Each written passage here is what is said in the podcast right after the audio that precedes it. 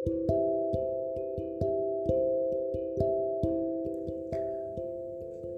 penghujung tahun ini akan aku tinggalkan semua rasa dan haru yang berlalu. Menyimpanmu dalam angan dan menempatkan kamu di sudut rak buku yang telah berdebu. Bukan karena aku ragu, tapi untuk apa? Membuka lembaran baru tapi masih dengan kamu, sang masa lalu. Bukankah itu hanya membuat rasa yang utuh menjadi runtuh?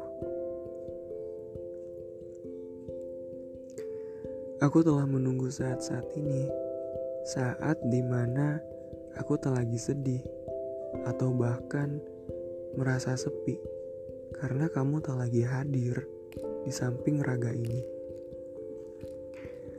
karena masih ada, bahkan banyak sekali hal baru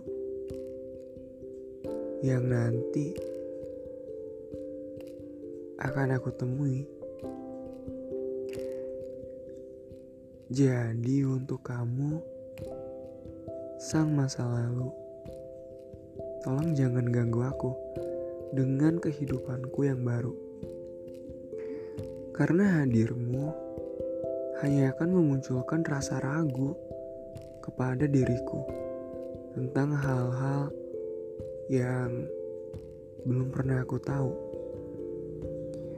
Tolong beri aku waktu untuk mengenal hal baru, atau bahkan memiliki orang baru yang dia lebih cukup daripada kamu.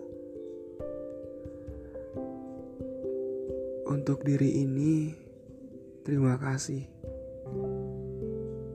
sudah bertahan dan sekuat ini menghadapi segala cobaan yang diberikan oleh alam.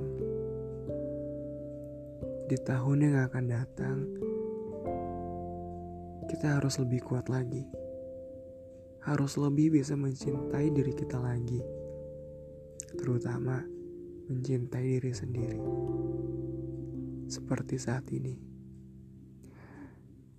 Aku ucapkan terima kasih untuk tahun ini.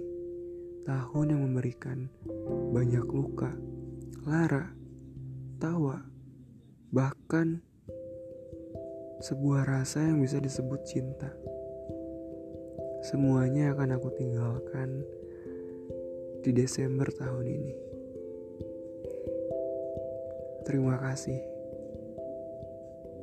Aku pamit.